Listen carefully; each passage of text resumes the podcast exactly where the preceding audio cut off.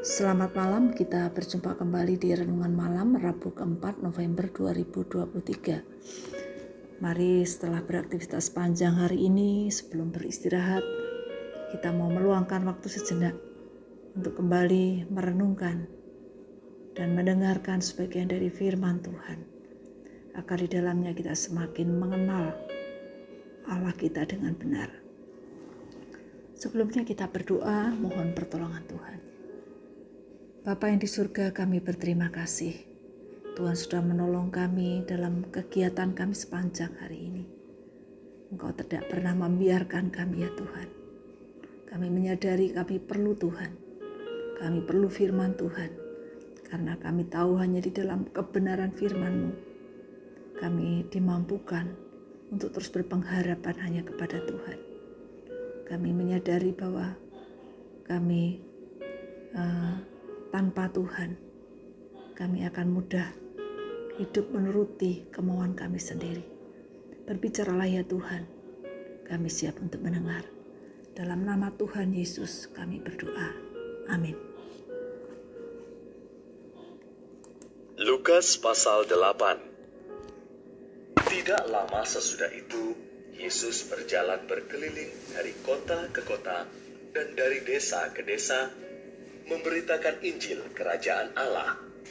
Kedua belas muridnya bersama-sama dengan dia, dan juga beberapa orang perempuan yang telah disembuhkan dari roh-roh jahat atau berbagai penyakit, yaitu Maria yang disebut Magdalena, yang telah dibebaskan dari tujuh roh jahat, Yohana istri Kusa, bendahara Herodes, Susana, dan banyak perempuan lain.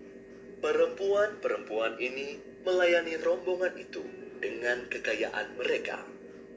Ketika orang banyak berbondong-bondong datang, yaitu orang-orang yang dari kota ke kota menggabungkan diri pada Yesus, berkatalah ia dalam suatu perumpamaan. Adalah seorang penabur keluar untuk menaburkan benihnya. Pada waktu ia menabur, sebagian benih itu jatuh di pinggir jalan, lalu diinjak orang, dan burung-burung di udara memakannya sampai habis. Sebagian jatuh di tanah yang berbatu-batu, dan setelah tumbuh, ia menjadi kering karena tidak mendapat air. Sebagian lagi jatuh di tengah semak duri, dan semak itu tumbuh bersama-sama dan menghimpitnya sampai mati. Dan sebagian jatuh di tanah yang baik, dan setelah tumbuh, berbuah seratus kali lipat. Setelah berkata demikian, Yesus berseru, "Siapa mempunyai telinga untuk mendengar, hendaklah ia mendengar." Murid-muridnya bertanya kepadanya, "Apa maksud perumpamaan itu?"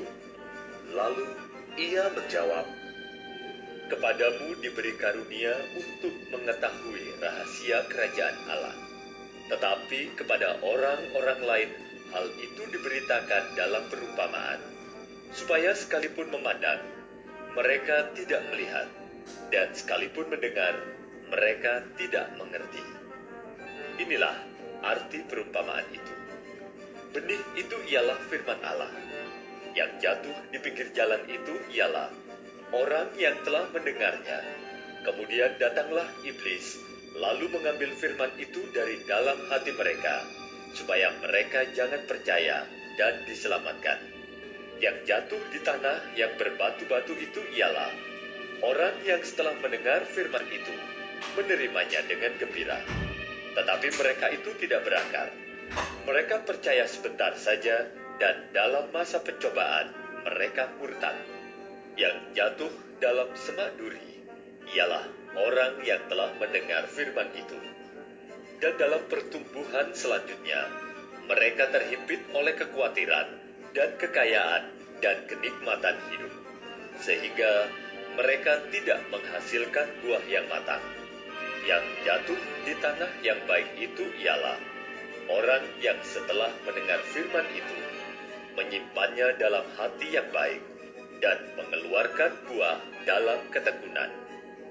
Tidak ada orang yang menyalakan pelita lalu menutupinya dengan tempayan atau menempatkannya di bawah tempat tidur tetapi ia menempatkannya di atas kaki Dian, supaya semua orang yang masuk ke dalam rumah dapat melihat cahayanya. Sebab tidak ada sesuatu yang tersembunyi yang tidak akan dinyatakan, dan tidak ada sesuatu yang rahasia yang tidak akan diketahui dan diumumkan. Karena itu perhatikanlah cara kamu mendengar. Karena siapa yang mempunyai, kepadanya akan diberi. Tetapi siapa yang tidak mempunyai, daripadanya akan diambil. Juga apa yang ia anggap ada padanya. Ibu dan saudara-saudara Yesus datang kepadanya, tetapi mereka tidak dapat mencapai dia karena orang banyak. Orang memberitahukan kepadanya, Ibumu dan saudara-saudaramu ada di luar dan ingin bertemu dengan engkau. Tetapi ia menjawab mereka, Ibuku dan saudara-saudaraku ialah mereka yang mendengarkan firman Allah dan melakukannya. Pada suatu hari, Yesus naik ke dalam perahu bersama-sama dengan murid-muridnya, dan ia berkata kepada mereka, "Marilah kita bertolak ke seberang danau." Lalu bertolaklah mereka, dan ketika mereka sedang berlayar, Yesus tertidur. Sekonyong-konyong turunlah taufan ke danau, sehingga perahu itu kemasukan air, dan mereka berada dalam bahaya. Maka datanglah murid-muridnya membangunkan dia.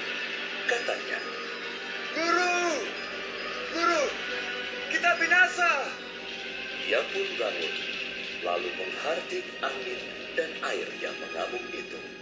Dan angin dan air itu pun reda, dan danau itu menjadi teduh. Lalu katanya kepada mereka, di manakah kepercayaanmu? Maka takutlah mereka dan heran. Lalu berkata seorang kepada yang lain, Siapa gerangan orang ini? Sehingga ia memberi perintah kepada angin dan air, dan mereka taat kepadanya. Lalu mendaratlah Yesus dan murid-muridnya di tanah orang Gerasa yang terletak di seberang Galilea. Setelah Yesus naik ke darat, datanglah seorang laki-laki dari kota itu menemui dia. Orang itu dirasuki oleh setan-setan dan sudah lama ia tidak berpakaian dan tidak tinggal dalam rumah, tetapi dalam pekuburan. Ketika ia melihat Yesus, ia berteriak, lalu tersungkur di hadapannya dan berkata dengan suara keras, Apa urusanmu dengan aku, hei Yesus anak Allah yang maha tinggi? Aku memohon kepadamu supaya engkau jangan menyiksa. Ia berkata demikian sebab Yesus memerintahkan roh jahat itu keluar dari orang itu. Karena sering roh itu menyeret-nyeret dia, maka untuk menjaganya, ia dirantai dan dibelenggu. Tetapi ia memutuskan segala pengikat itu, dan ia dihalau oleh setan itu ke tempat-tempat yang sunyi. Dan Yesus bertanya kepadanya, Siapakah namamu? Jawabnya,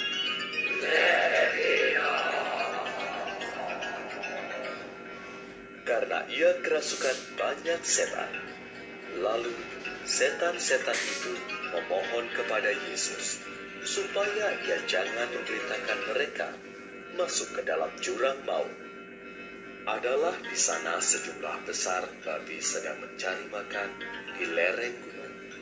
Lalu setan-setan itu meminta kepada Yesus supaya ia memperkenankan mereka memasuki babi-babi itu.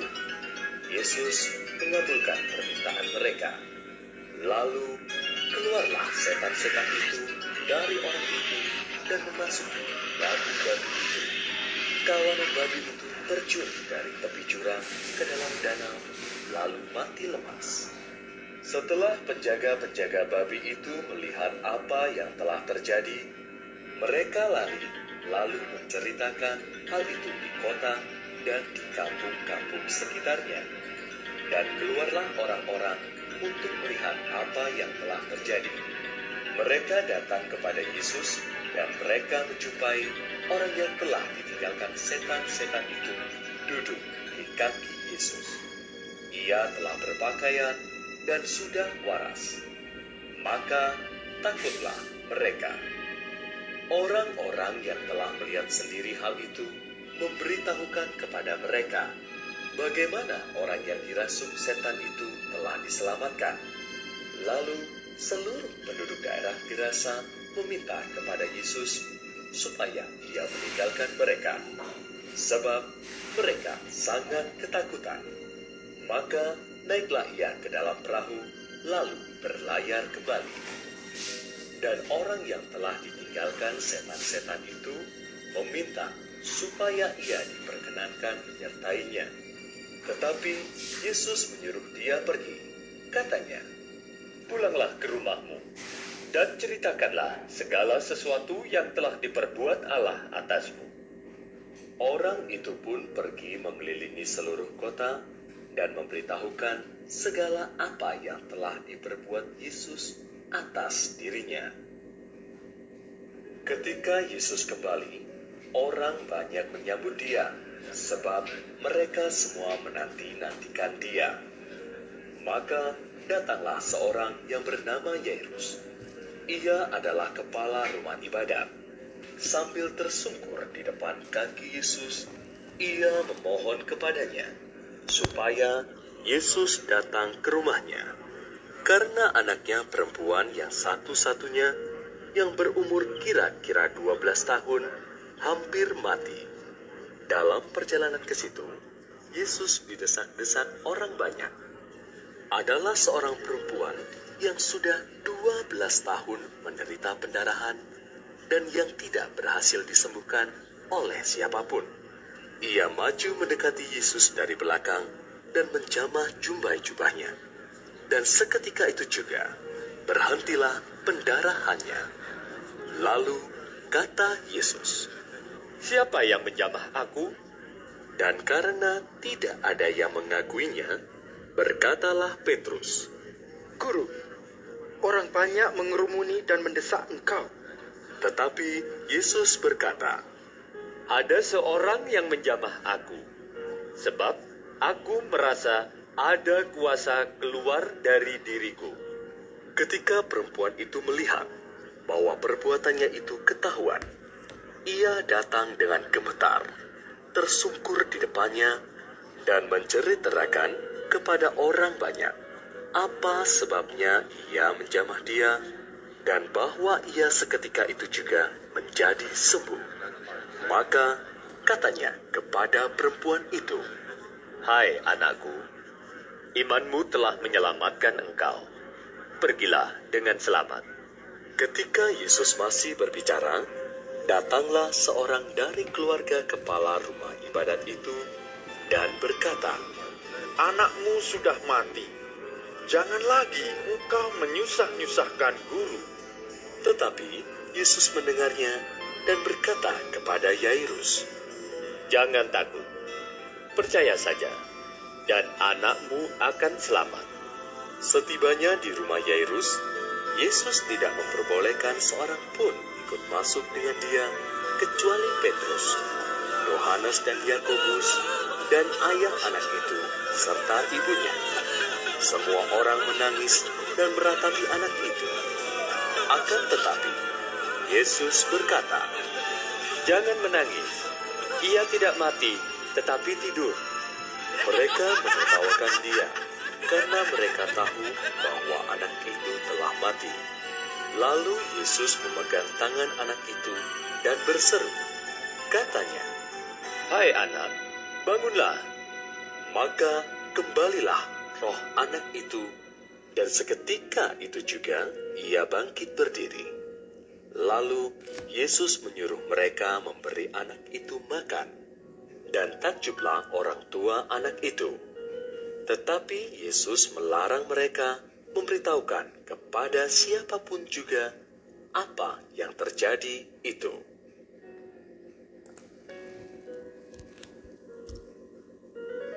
Dalam Injil Lukas pasal 8 ini dikisahkan mengenai perumpamaan tentang penabur yang melukiskan empat hati manusia. Hal ini mengingatkan untuk melihat hati kita masing-masing melalui perumpamaan yang diajarkan Yesus. Apakah kita menemukan duri, tanah yang padat, tanaman yang layu, atau buah? Apa pun keadaannya, renungkanlah nasihat dalam ayat 18 yang berkata, Karena itu perhatikanlah apa yang kamu dengar. Hal ini mengingatkan apa tanggung jawab kita sebagai pendengar firman Tuhan. Ketika Kristus menenangkan badai di laut, ia menunjukkan kuasa dan keagungannya yang besar. Ia juga melakukan hal yang sama ketika ia mengusir setan dari orang Kirasa.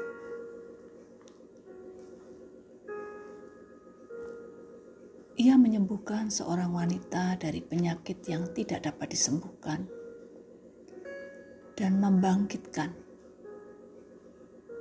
seorang gadis dari kematian. Namun, ketika gadis ini mengalami kebangkitan, ia akan kembali mengalami kematian secara fisik. Mujizat-mujizat ini tidak hanya menunjukkan bahwa Yesus dapat menyembuhkan semua masalah kita, semua masalah fisik kita, seperti yang akan Dia lakukan ketika Dia datang kembali dalam kemuliaan. Cara Lukas menghubungkan perempuan yang disembuhkan dengan perempuan yang diampuni mengingatkan kita bahwa kebutuhan kita yang paling mendesak adalah keselamatan rohani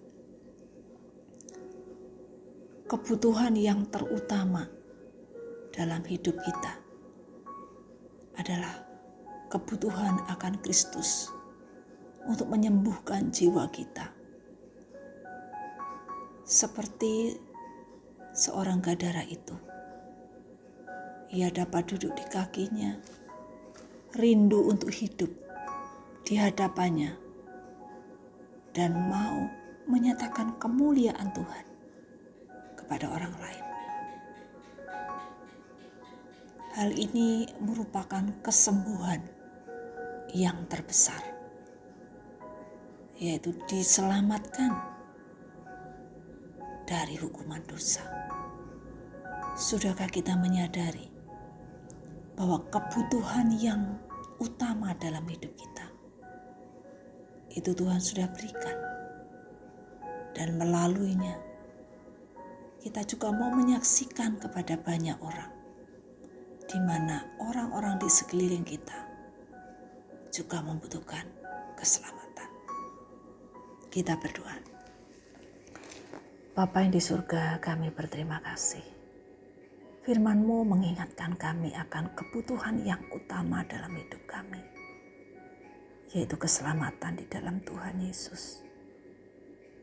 Kami bersyukur Tuhan, Engkau sudah memberikan kebutuhan yang utama dalam hidup kami.